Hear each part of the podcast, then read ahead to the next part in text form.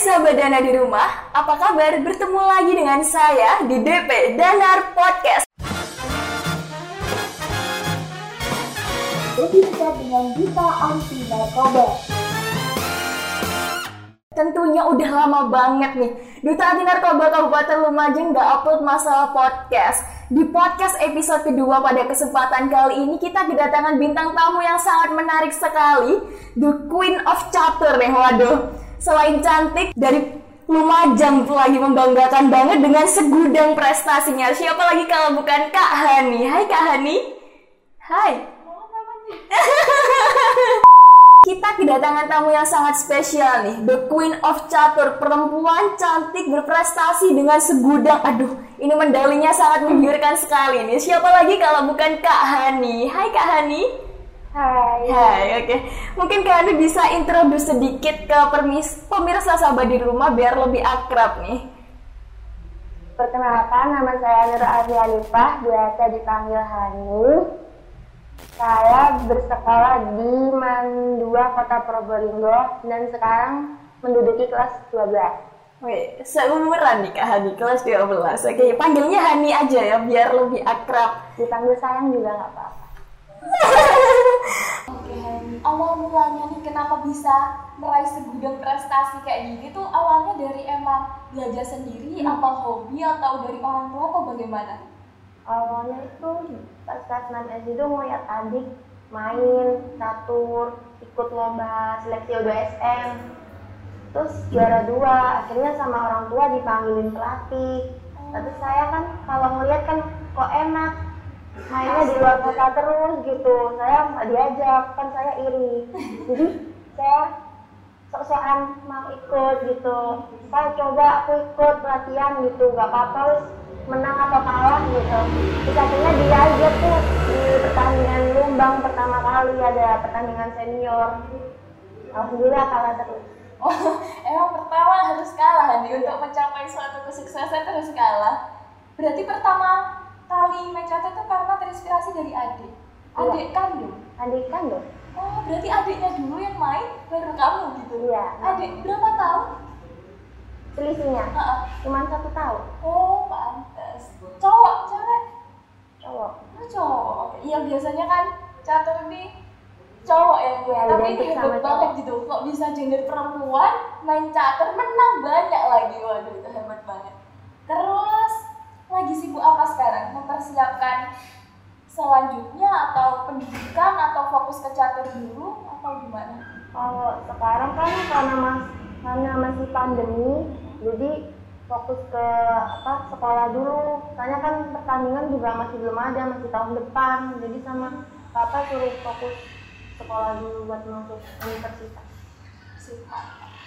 Pendidikan nomor satu emang paling Iya. penting. Jadi segudang prestasi ini bisa diceritakan ini mulai dari yang perak sampai perunggu apa aja nih? Emas bisa diceritakan dari satu-satu gimana nih. Jadi payahnya bisa ngedapetin segudang prestasi ini. Diceritakan satu-satu, terserah. Lu gimana? Dari dari ini nih deh ini apa ini? Amin. Allah. Oh itu itu barusan itu pas pro. oh itu barusan? Oh yang tahun 2019 itu bukan Bukan 2000 berapa ya? nggak ada 2000 nya oh iya ini 2019 Iya, 2019 iya. ini nih Pak ini awal nih deh Enggak, itu 2018 kalau nggak salah. Oh, Iya, 2018 2018. berarti Hani ini mulai dari kota sampai ke nasional Nasional. waduh hebat banget tepuk tangan dong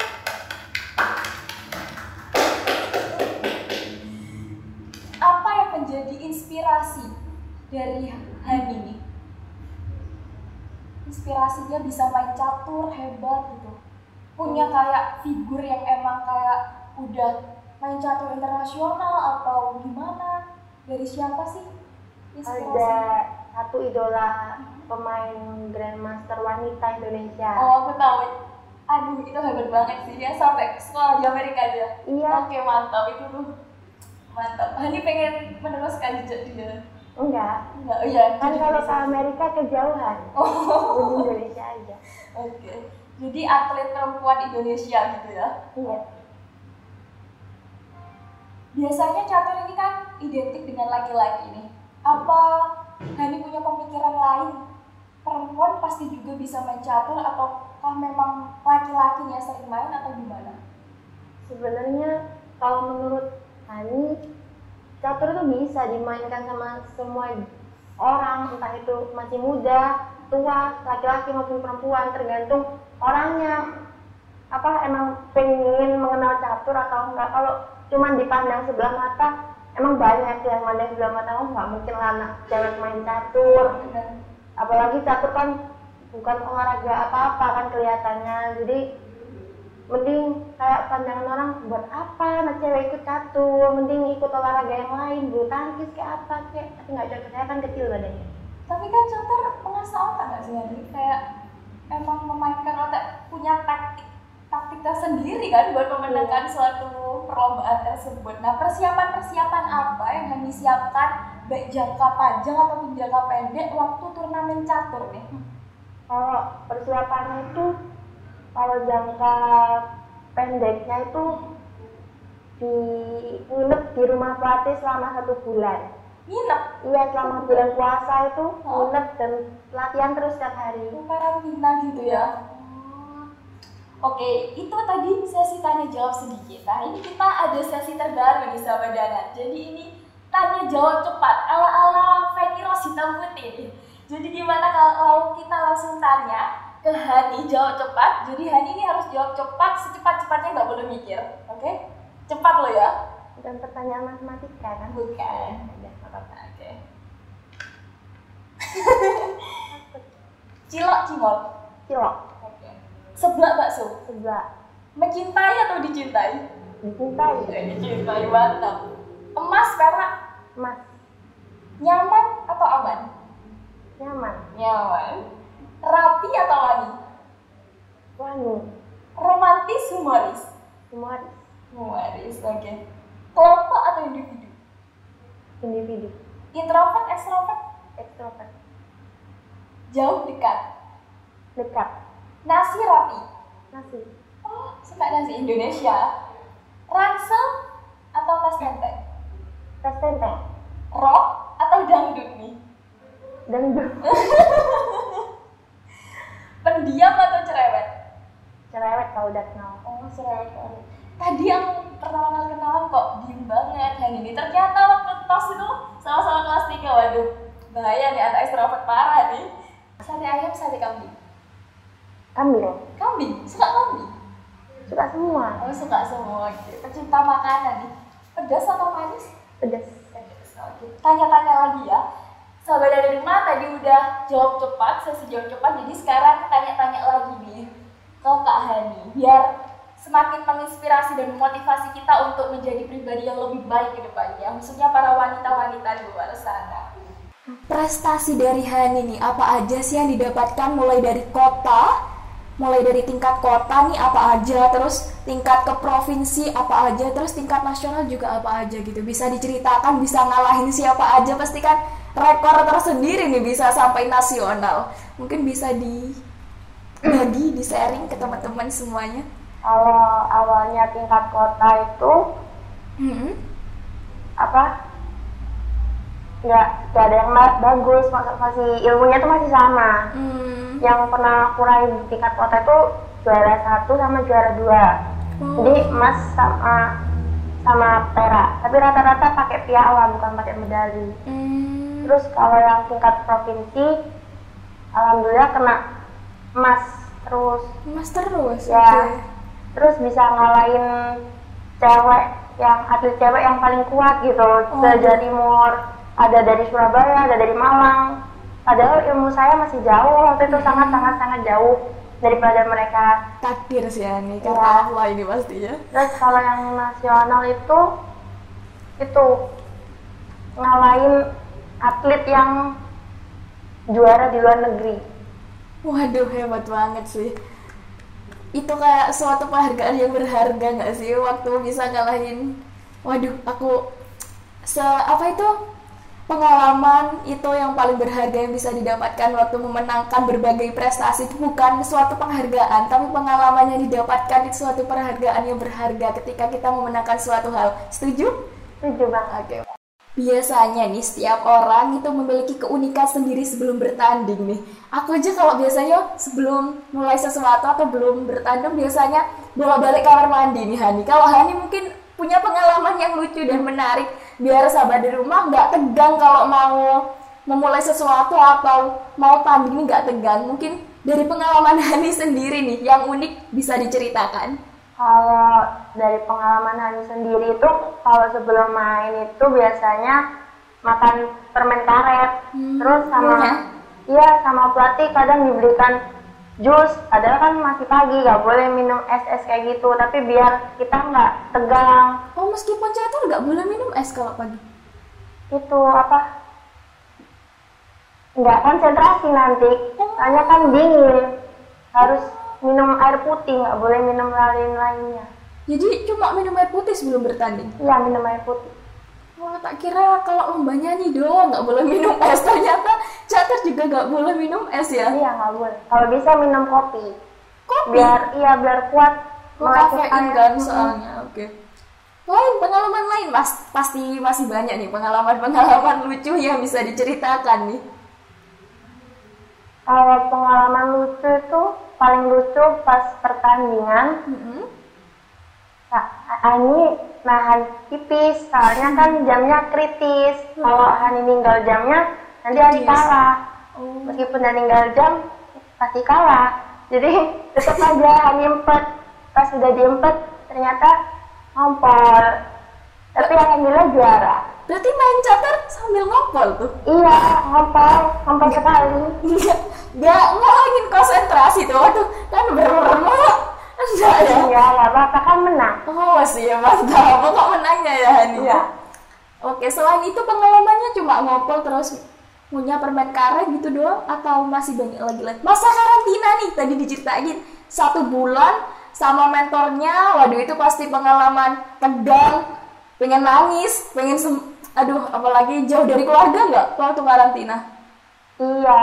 Nah itu tuh Jauh bisa diceritain keluarga. tuh. Kalau pas karantina, menurut Sa- menurut Hani nggak nggak menyedihkan sama sekali. Soalnya kan ngumpul sama teman-teman, Hmm. jadi bisa diskusi, bisa latihan bareng, bisa ya ya Sharing-sharing sharing ilmu gitu baru. sama pelatih juga. Kadang kadang melayan buat main catur gitu. Hmm. Jadi kalau menurut Hani pas karantina itu enak banget.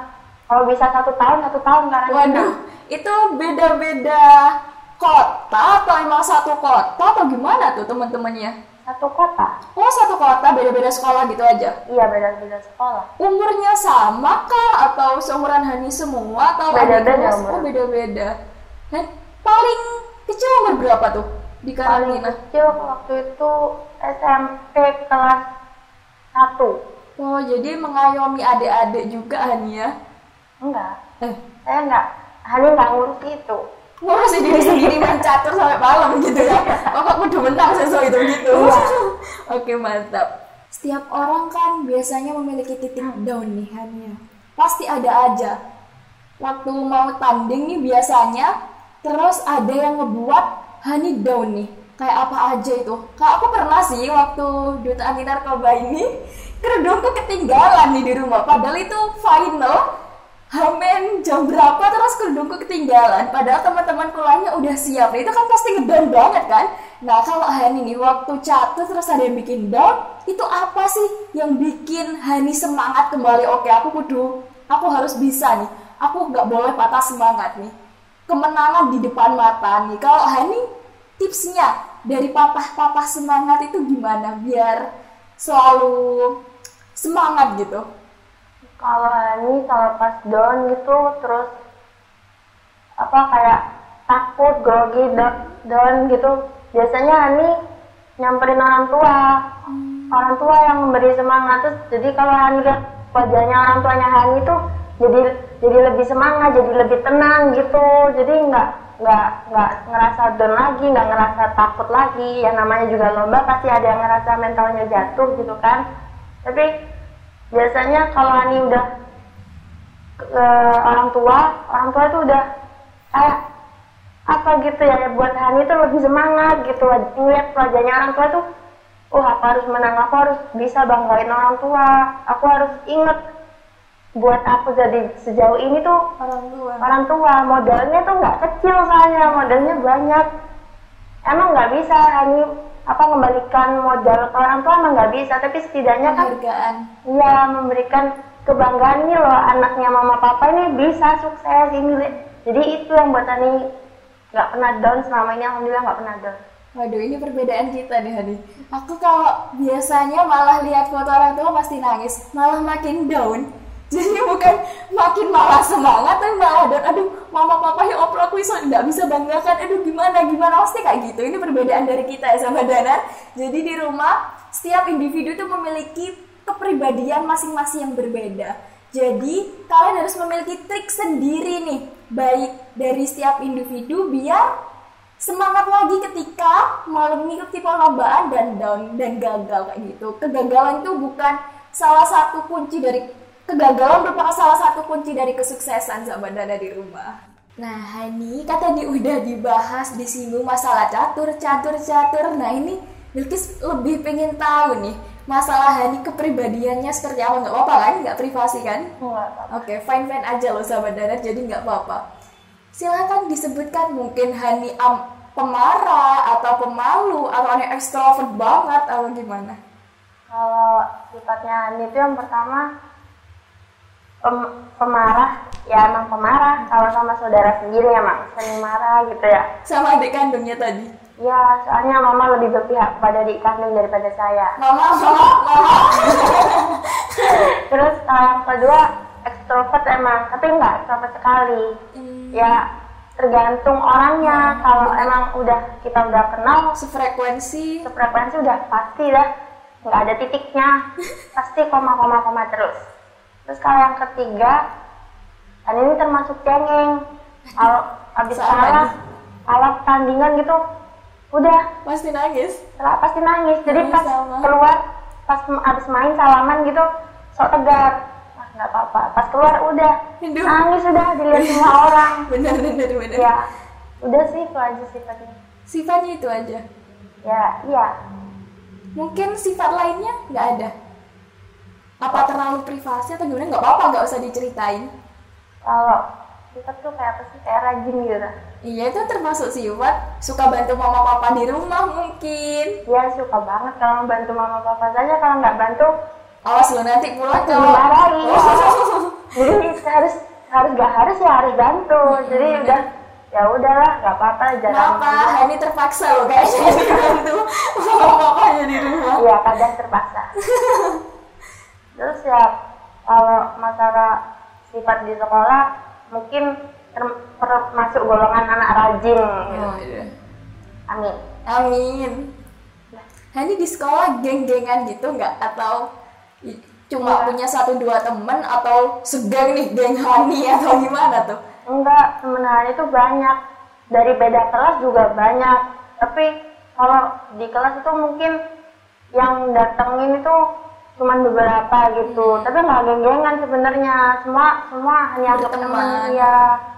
Tapi banyak gitu teman yang cuman datang pas butuhnya. Jadi kalau bener nyontoh, oke lah datang ke sini. Tapi kalau pas aku yang butuh, aku nggak dibantu. Kadang teman banyak yang bermuka dua loh Hani. Ah, iya, iya di depan kita baik tapi di belakang nih aduh pengen gimana yang kita tuh. Bener Iya. bener bener. Hani, menurut pendapat Hani nih spekulasi kita sebagai remaja nih kalau misalnya ada anak yang mengkonsumsi narkoba tuh tanggapan Hani gimana sih?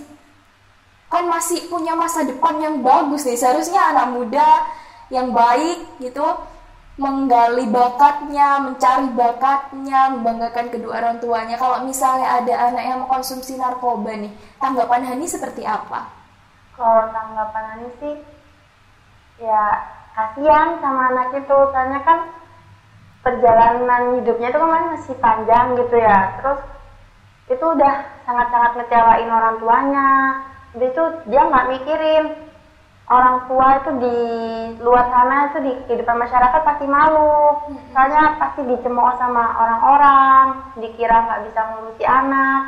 Terus juga ya emang mungkin anak itu salah pergaulan juga pasti ikut-ikut iya ya kasihan sih kalau udah anak yang udah pernah pakai narkoba Terus sangat disayangkan sekali ya Hani ya. Oke, Hani tahu nggak kalau miras itu termasuk salah satu dari zat adiktif narkoba? Tahu. Iya, jadi itu banyak sekali kan ya sekarang anak-anak muda, anak-anak muda, anak muda kita di luar sana yang konsumsi miras, Iya. terus obat-obat yang seharusnya tidak dikonsumsi dengan obat-obat banyak nggak sih sekarang di sungai-sungai atau di pinggir-pinggir anu bikin pinggir jalan? Nggak tahu kalau sungai di rumah nggak ada sungai. Adanya selokan. Nggak, oh selokan, isi selokan aja ya nggak ada, Alhamdulillah nggak ada air. nggak ada air. Terus di selokannya cuma ada sampah. Hani pernah nggak sih nemuin sahabat Hani atau teman-teman Hani nih yang pernah konsumsi narkoba? Pernah. Pernah? Iya, keluar sekolah anaknya sudah Seangkatan Hani Satu kan kelas. Satu kelas? satu kelas. Itu, nah ini nih, Bilkis kepo banget nih, soalnya Probolinggo dan Jatiroto nih jaraknya jauh banget nih. Iya. Pasti orang-orangnya juga beda-beda nih kan ya. Itu apa ya, fisiknya seperti apa? Maksudku bukan fisik orangnya tinggi atau bukan ya Hani, kayak ciri-cirinya dari anak tersebut kalau konsumsi narkoba gitu misalnya tidur terus di kelas kah atau Iya, orang tidur di kelas terus males gitu pemalas sekali. Saya kira dia nggak. Terus matanya tuh selalu merah. nah Itu udah. Terus pas ditanya sama temen temen saya yang satunya kan deket emang itu sama temen saya yang satunya. sohib lah ya Iya, kamu habis make ya Nah, gitu. Terus dijawab sama dia, iya make. Terus ya dia juga mira mira. berarti dia ngomong langsung ke temennya kalau ngomong ngomong dia pakai gitu dia ya ngomong jujur. Saya juga Jujur. bilang pernah berhubungan yang tidak seharusnya. tidak seharusnya. Iya. aduh emang ter- masya allah sekali ya lainnya Itu makanya kelas 12 ini dikeluarin. Soalnya dari kelas 10 sebenarnya udah dapat peringatan dari kelas 10 itu. Dia kan nggak pernah mengerjakan tugas. Tapi dikeluarkannya baru kelas 12 baru kelas 12 itu gurunya tahu itu dari dia emang omong jujur kah? Atau gimana? Atau ada BNN yang ke sekolah untuk cek itu. Kalau gurunya kalau gurunya menurut saya nggak tahu kalau dia pakai oh gak tahu kan gurunya ngeluarin cuman karena dia nggak nggak niat sekolah. Oh cuma karena dia nggak ngerjain tugas Iya. aja gitu. Berarti nggak tahu kalau dia memang pemakai. Nggak tahu. Berarti kalau di kelas ada guru dia tidur kah atau tidur. Pasti dimarahi sama guru-guru. Disuruh cuci muka disuruh keluar. cuma satu anak itu doang? Atau ada beberapa anak nih yang ada. konsumsi? Anaknya guru Astagfirullahaladzim Iya. anaknya guru Iya ketahuan jadi pilnya itu jatuh di lapangan. Iya pilnya jatuh di lapangan terus akhirnya kepergok sama guru, bukan sama ibunya sendiri kepergok sama, Sama guru. guru. oh Akhirnya ibunya itu guru guru dia di sana kakak kelas. Iya jadi oh itu kakak kelasnya Hani iya kakak kelas Ani. Terus akhirnya dibahas sama guru-guru, akhirnya disuruh pindah sekolah. Pindah aduh gimana perasaan orang tuanya itu ya? Nah oleh karena itu sahabat dari rumah kita harus benar-benar anti nih karena pergaulan bebas saat ini sangat mengerikan sekali. Seperti yang Hani tadi ceritakan juga di sekolahku itu kalau miras itu memang an- di rumahku nih Hani di Jatiroto. Pernah ke Jatiroto nggak? Lewat Jember Jember. Lewat pernah. Nah, itu Hani kan di Jember itu banyak bukan di Jember di rumahku itu banyak banget kayak bukan banyak sih emang sekarang apa ya menyalahgunakan itu udah gak biasa gitu. Udah marah. Hmm, udah marah banget ini. Oleh karena itu kita sebagai generasi muda Hani harus banget yang namanya memilih pergaulan yang baik gitu, mendekatkan diri sama Allah juga karena faktor-faktor yang mengakibatkan kita ke narkoba gitu, ya. ke terjerumus itu banyak sekali faktornya, terutama kayak faktor internal baik internal maupun eksternal kayak pergaulan bebas tadi tuh karena sir- circle-nya nih teman-teman yang seperti itu mungkin jadi dia juga ikut terbawa kayak gitu. Iya. Oke, target dari Hani ke depannya nih apa aja? Kalau targetnya itu buat tahun depan apa dua tahun lagi nih bisa juara porprov lagi agar bisa ikut seleksi pon terus bisa ju- juara apa lolos seleksi pon biar bisa ikut pon Oke, mantap mantap targetnya. Kalau target buat pendidikan nih, kan tadi untuk contoh. Kalau pendidikannya mungkin kalau pendidikan targetnya ya itu apa kan masuk universitas dulu Iya dong. Oke, targetnya keren dulu 21 masuk ITB ya tadi. Aduh, keren banget. Jadi Kak Hani ini udah selek anu ya, udah keterima beasiswa. iya beasiswa Beasiswa full di ITB. Di ITB. Waduh, hebat banget. Mantap, panutan. Oke, mungkin Hani ada pesan apa yang bisa disampaikan kepada sahabat Dana di rumah biar menginspirasi menjadi generasi-generasi muda yang hebat di luar sana. Yang patah semangat biar lebih semangat lagi nih gimana? pesannya sih kalau emang udah nemuin bakat ya harus selalu melatih asa dilatih.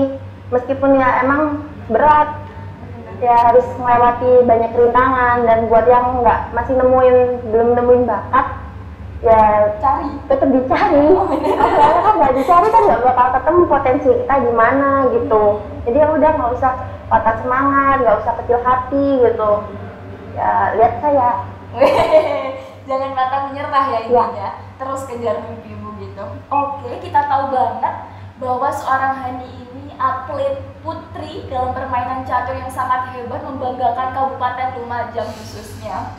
Saya pernah dengar quotes nih, quotes tentang catur. Kalau main catur itu jadi seperti pion. Pion itu meskipun dia kecil dan sering diremehkan, tapi pion tidak pernah melihat ke belakang dan terus maju ke depan. Jika ada salah-salah kata mohon dimaafkan. Jika ada sumber ladang, mulailah kita menumpang mandi. Jika ada meriam panjang, mulailah kita berjumpa lagi. Wassalamualaikum warahmatullahi wabarakatuh. Bye.